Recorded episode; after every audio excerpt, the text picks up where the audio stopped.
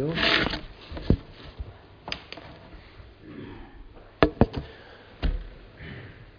Det är ju faktiskt med, med ganska blandade känslor som jag står här idag. Eh, eh, nervöst är nummer ett. Eh, spännande är nummer två. Eh, och eh, liksom taggad är nummer tre. Eh, så allt det där försöker att liksom finna någon slags ro i det här eh, lilla kroppen. Men, men jag är jätteglad över att jag får vara här idag med er. Jätteglad. Och jag ser fram emot eh, den här dagen. Jag har gjort det under två månaders tid, tror jag. Så har jag gått och, och längtat efter den här dagen. Eh, jag hoppas att du också har gjort det. Jag tror inte att du har gjort det i två månaders tid. Jag tror inte det faktiskt. Eh, det vore otroligt. Men, men, men eh, att du ser fram emot den här dagen. Att vädret är fint i alla fall och snart så, så är det fika efteråt och, och sådana här saker. Eh, dagens text som vi, vi snart kommer att se här på, på skärmen. Eh, den hämtar vi från Lukas eh, 15, 1 och 7. Uh, och det, det, det är den texten som, som jag har gått och grunnat på ganska länge nu. I ett års tid ungefär. Uh, så den har landat ganska bra. Uh, det står så här. Alla publikaner och syndare höll sig nära intill Jesus för att höra honom. Men fariseerna och de skriftlärda kritiserade honom ständigt den mannen tar emot syndare och äter tillsammans med dem. Då berättar han om en liknelse. Jag känner att jag går tillbaka hit istället. Um, om någon av er har hundra får och förlorar ett, lämnar han då inte det 99 i öknen och går och söker efter det förlorade tills han hittar det? Och när han har funnit det blir han glad och lägger det på sina axlar. När han sedan kommer hem samlar han sina vänner och grannar och säger till dem, gläd er med mig, jag har funnit mitt får som jag hade förlorat. Jag säger er, på samma sätt blir det större glädje i himlen över en enda syndare som omvänder sig än över 99 rättfärdiga som ingen omvändelse behöver. Jesus i himmelen, tack för att du är med oss här, Herre. Tack att det är dina ord som vi ska få, som vi har läst och som, som jag ska få förmedla till, till församlingen idag. Tack att du finns här och du stöttar och du hjälper oss att ha ett öppet sinne. Amen. Det här är en liknelse. Och därför så måste man tolka den här texten som en liknelse. Och när jag var eh, i, i, mina yngre år, eh, också då väldigt intresserad av traktorer och djur och hela den här grejen. Och när jag läste den här texten, eller någon annan läste den här texten för mig, så tyckte jag att den här heden är eh, extremt korkad. Eh, man kan inte lämna 99 får för att leta efter ett får. De är ju ute i öknen, de har ingen lagård som han har stängt in dem i, utan de är ju ute i öknen. Och sen går han bara för att leta efter ett som han kanske hittar. Och i och med att jag, man känner ju andra genom sig själv, eller hur?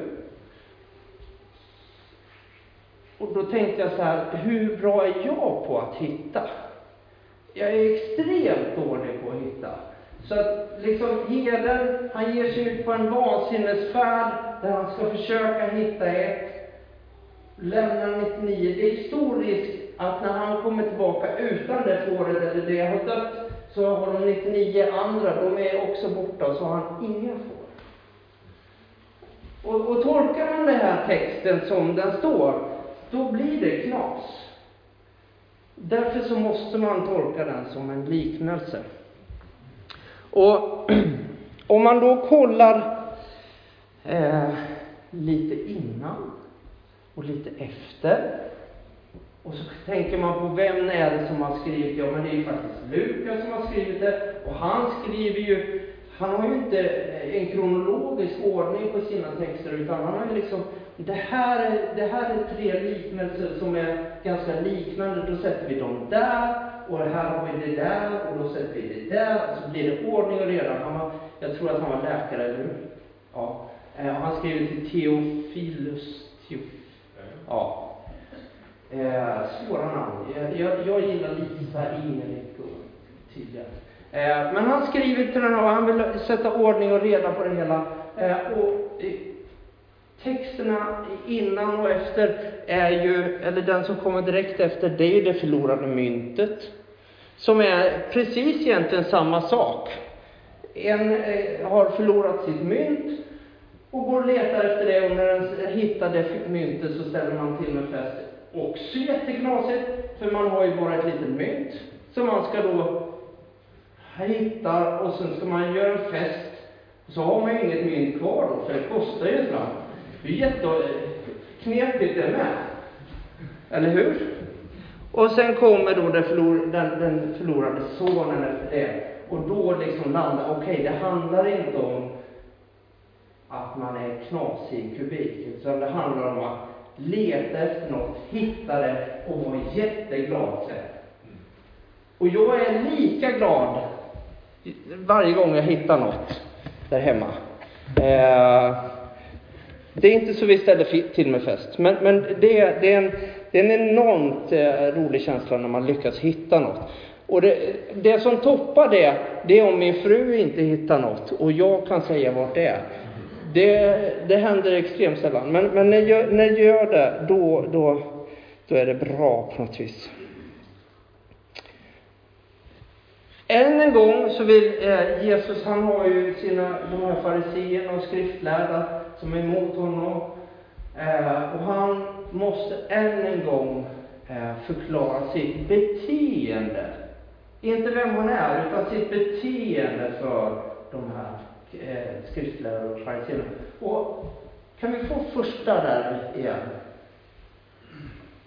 Eh, publikaner och syndare, det är alltså patrask, verkar det som. Det är sådana som man inte hänger med. Eh, men Jesus vill jättegärna hänga med de här. Han tycker de är sköna, bra lirare. Eh, och de här skriftlärarna kritiserar honom ständigt och sa att den mannen tar emot vi ska se, syndare och äter till dem. Då berättar han denna liknelse för dem, alltså för de skriftlärda och fariseerna. Jesus väljer då att prata om får. Jag tänker att de skriftlärda och fariséerna, de visste säkert vad får var. Men jag tror inte de hade varit ute i öknen sådär jättemycket och vallat får.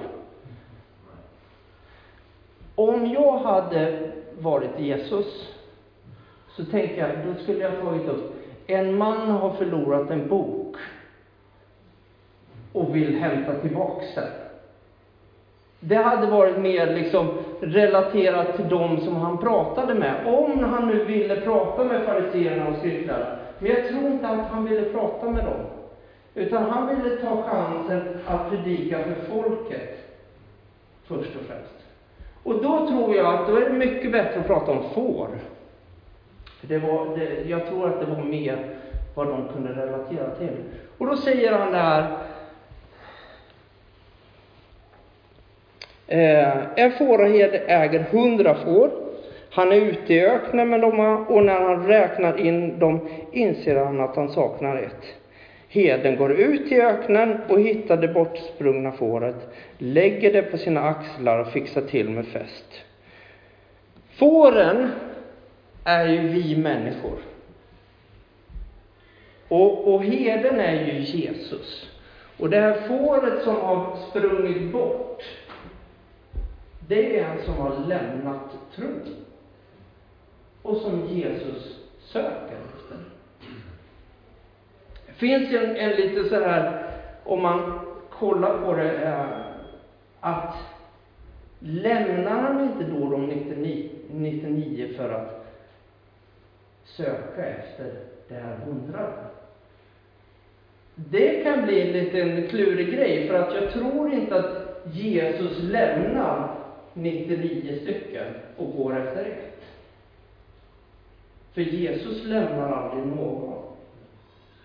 Men en herde kan ju inte vara på två ställen samtidigt. Så därför så får man liksom, okej, okay, en herde han lämnar, för han kan inte vara på två ställen samtidigt. Jesus, han kan vara på två ställen samtidigt, tre, fyra tusen olika ställen samtidigt. Så att han är fortfarande med flocken, de här 99. Men han söker efter det här sista fåret. Och nu ska jag ta lite vatten. Det gör alla stora talare, det har jag sett dem. Ja.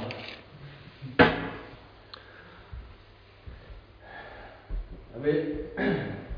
Ni ska få lära känna mig lite till. När jag var sju år, då bodde jag i den här lilla byn Korsberga. Um, och uh, jag vet inte hur. Jag har bara en bild av när jag gick ner på, till fotbollsplanen eh, för första gången. Jag tror att det var mamma, eller ganska övertygad om att det var mamma, eh, som, som följde med mig ner dit. Eh, och jag står på planen. Det här är min mamma och pappa, by the way, bara så att ni eh, förstår varför jag tittar på dem ibland. Eh, jag står på planen och alla andra rör sig. Och alla andra vet vad de ska göra, utom jag. Jag är helt fast vid min fläck. Och, och, och eh, kan inte göra något annat än bara titta på detta skådespel som händer runt omkring mig, som kallas fotboll. Och det var ett stort steg för en extremt blyg kille. Eh, jag kände ju troligtvis alla på den där planen, för det var inte som det, alla visste om alla där. Eh, men jag vågade inte eh, spela fotboll. Men jag tyckte det var så pass intressant så att jag ändå ville gå och ställa mig på fotbollsplanen. Två år senare så flyttade vi till Åsbro. Och då träffade jag en man som heter Leif. Leif blir en av de mest viktiga personerna i mitt liv. Han vill att jag ska börja på hans fotbollsskola. Och det gör jag, och, och där trivs jag extremt bra. För man får bara uppmuntra där, i det laget. Det är, det är hans första och enda regel egentligen. Man får bara uppmuntra varandra här. Så då kände jag att hur kass jag än är så kommer jag liksom inte få en massa skit i alla fall. Spelade och, och när, Samtidigt så, så döper jag mig den sommaren. Eh, varför vet jag inte. Utan det är bara tanken att jag ska döpa mig. Och jag berättade för min pappa och jag tror att du gick med på det. Eh, döpte mig i alla fall. Och det var extremt viktigt att jag gjorde det då. För efter det så blev det mer och mer idrottsintresse och eh, kyrkan blev mindre och mindre intressant. Och, och, när jag är i tonåren och på gymnasiet, då är kyrkan inte alls intressant, utan då är det jordbruk och idrott som gäller. That's it. Det finns inget annat. Utan dopet så vet jag inte vart jag hade tagit vägen då. Utan det, det är extremt viktigt att jag döper mig när jag nio år där. En dag, 2004, då, då går jag en fritidsledarutbildning. Och eh, jag får möjligheten att, att åka upp till Umeå på ett innebandyläger. Eh, som, som ja, det kallas för coach, fast man, jag var inte tränare. Utan jag skulle umgås med ett antal ungdomar under en hel vecka. Och det finns en kille i min grupp som, han är i periferin hela tiden. Han håller sig i utkanten. Säger knappt hej till mig. Utan han är där. Och, och jag försöker låta honom vara där. Eh, och, och respektera att han vill vara där. Och sen, fem dagar in i lägret, efter en träning, så kommer han fram till mig och så säger han, jag vill åka hem. Um, och det blir det viktigaste ögonblicket i mitt andliga liv. En knepig sak att säga kanske, men Han berättar att han har varit på två träningsläger innan. Ett eh, pingis och ett hockeyläger och sen åker han direkt på ett innebandyläger. Så han var jättetrött. Så hans, det han säger till mig, det är ju bara ganska självklart att han är trött och jag vill åka hem. Men det han säger till mig också, det är att han respekterar mig och har liksom gillat min ledarstil så pass mycket att han har fått vara där och nu har han fått förtroende för mig och så vågar han öppna upp sig totalt för mig. Samtidigt så säger Jesus till mig att det är det här som jag har tänkt att du ska göra resten av ditt liv. Det är därför som du har tränat. Det är därför som du har älskat idrott så mycket. För att jag vill att du ska vara på fotbollsplanen eller innebandyplanen och prata om mig. Du ska vara min spelare på planen. Och jag ska hjälpa dig. Och när man får den, när man får den grejen till sig, att det var okej okay att jag spelade fotboll faktiskt, och det var okej okay att jag spelade innebandy på söndagar. När man får det till sig, och Gud säger till en att jag har en plan för dig. Jag vill att du ska vara den du är.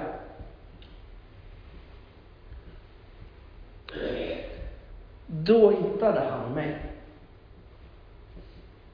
Eller jag lät mig hittad, brukar jag säga.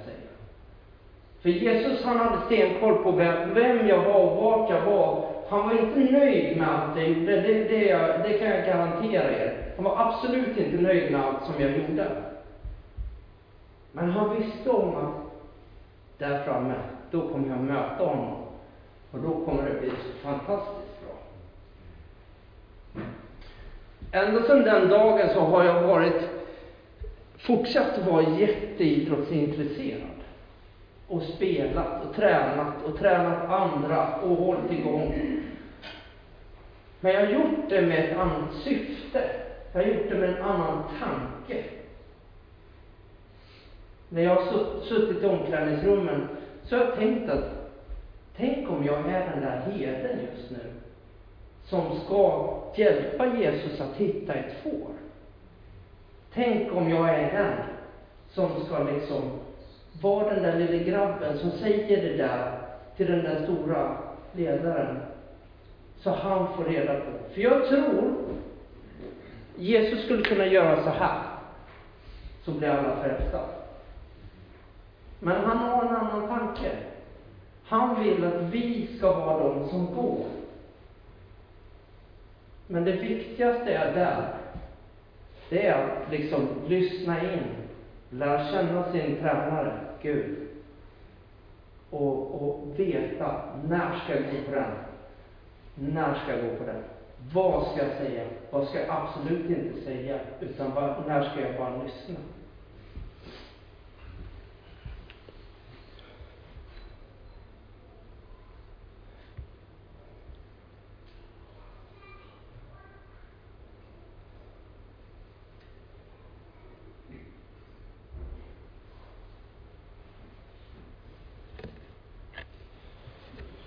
Hur ska vi då hitta de här?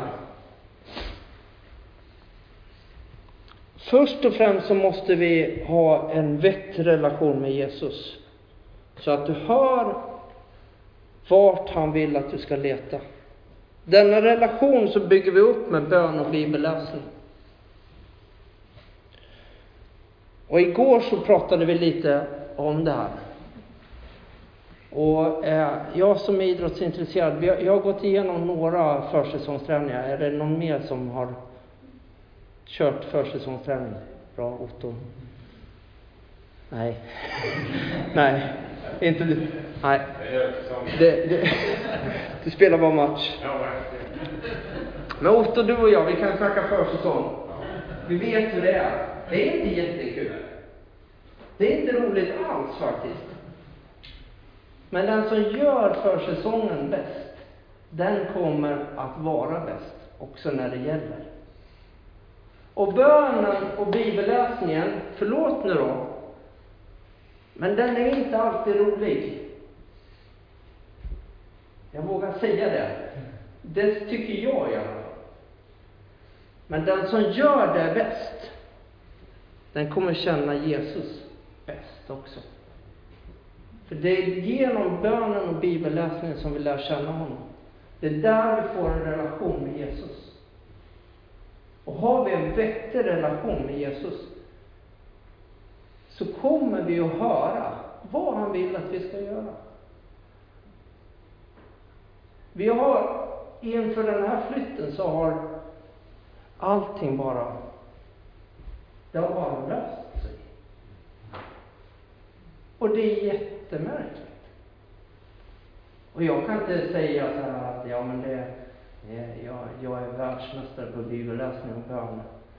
Men han har visat mig att vad händer om vi går i hans tid och vad händer när vi lyssnar på hans ord? Ja, då kommer det bli så här. Bara så att du vet, liksom. Jag är med. Sedan när vi vet vart vi ska gå eller till vilka, då ber vi att Jesus ska ge oss den vishet att säga de ord som ska sägas eller inte sägas, utan höras på. Och när fåret är funnet, alltså när, vi har, när den här människan som inte längre tror på Jesus kommer tillbaks och tror på Jesus, då kan vi inte bara släppa den och gå ut efter nästa. Utan då har jag ett ansvar att se till att den här människan ställer sig upp på sina egna ben när den känner att det här känns bra. Jag är redo att ta nästa steg och se vart det bär. Då låter vi den, precis som en förälder låter sitt barn börja gå lite och sen dunk, in i den vasen. donk, in i den garderoben, donk, in i det. Men vi låter den göra det, för den lär sig. Och så får man liksom guida den lite. Om du går lite mer där, då kommer det gå bättre. Men vi är med hela vägen tills vi känner att den där är redo att ta sig an nästa. Då kan vi börja hitta en ny. Och det är så som jag tror att vi liksom bör jobba i, som kristna och i den här församlingen. Gå ut och söka de får som är försvunna. Och inte bara nöja oss med att de kommer in hit och sen drar vi ut igen, utan då börjar arbetet med att lära dem att gå. Och Levi Petrus, jag har ju inte fått äran att lyssna på någon live, men jag lyssnade faktiskt, jag och Erik, Erik fick den stora äran också att lyssna på en, på en predikan från Levi Petrus när vi åkte hit förra helgen. Från 74, hans sista predikan på Nyhem, där han talar om att han har vunnit många en och en. Och det är så vi ska jobba. Vi ska vinna många en och en.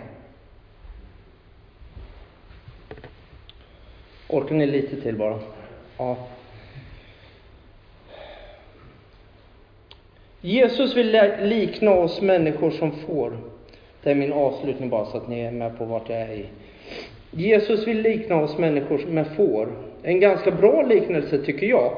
Vi följer gärna strömmen och bräker och så flyr vi. Eh, kommer du ihåg dem pappa? Vi hade några får och du var så arg på dessa små lamm. För vi hade inte hönsnät utan vi hade ett sånt fårnät och de smet igenom det här hela tiden. Och så står de utanför och bara för de fattade, varför gick jag ut? Det var ingen annan som hängde på. Och så får man lyfta in dem och så hoppar de ut igen. Jättestörande. Och jag tänker så att vi, vi människor är nog ganska mycket så också. Vi, vi drar någonstans och så bara Jesus, men varför kan du inte bara vara här?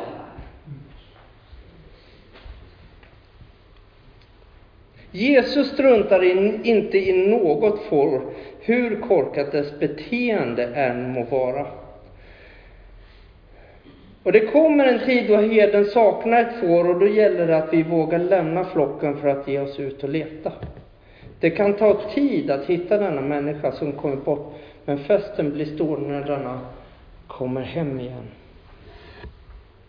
Jag tänker att det är ganska tryggt i den kända flocken. Och det är ganska skönt att vara här. För här vet jag vad det kommer att hända, hur det kommer att hända och vad som kommer liksom. Det är tryggt och lugnt och skönt. Men när vi får ett namn på vårt hjärta som Jesus kallar oss att gå på. Då får vi inte säga, nej men det är ju så skönt här, det är ju, kaffet smakar ju bra. Nu tar jag till närkinskan, för den, den är lite bättre för att gnälla, ni vet. Ja, jag trivs bättre här under min korvkek. Vi måste gå på det namnet. Vi måste börja be för det namnet. Den människan. Vi kan inte säga, nej Jesus, jag har inte tid, jag har massor att göra, eller jag har ingenting att göra egentligen, men, men nej, jag orkar inte. Jag vill inte, jag vågar inte. Jag tror att han sörjer ganska mycket då.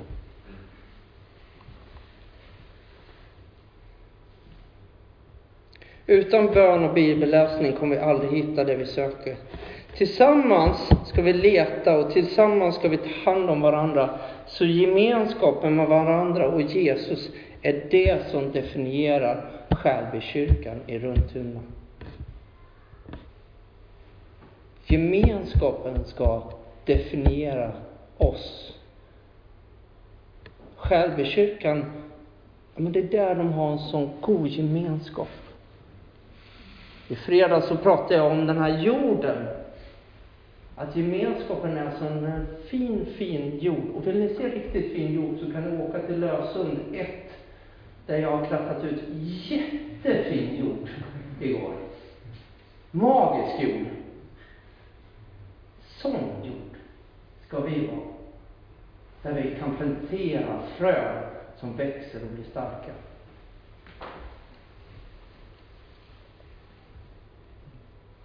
Det finns en sista sak som jag tror att Jesus vill säga till oss idag. Sista meningen i vers 7 lyder så här. På samma sätt blir det större glädje i himlen över en enda syndare som omvänder sig än över 99 rättfärdiga som ingen omvändelse behöver. Eh, jag pratade med en polare hemma i Huskvarna, för den här versen förbryllade mig en hel del. För alla behöver väl omvändelse? Eller hur? Men här står det över 99 som inte behöver någon omvändelse.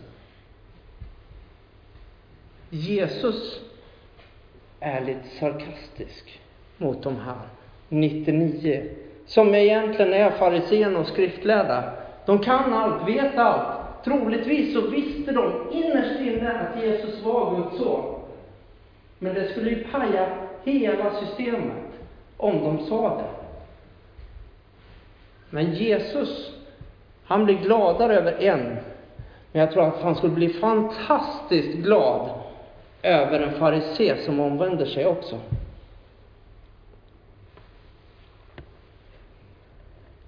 Att omvända sig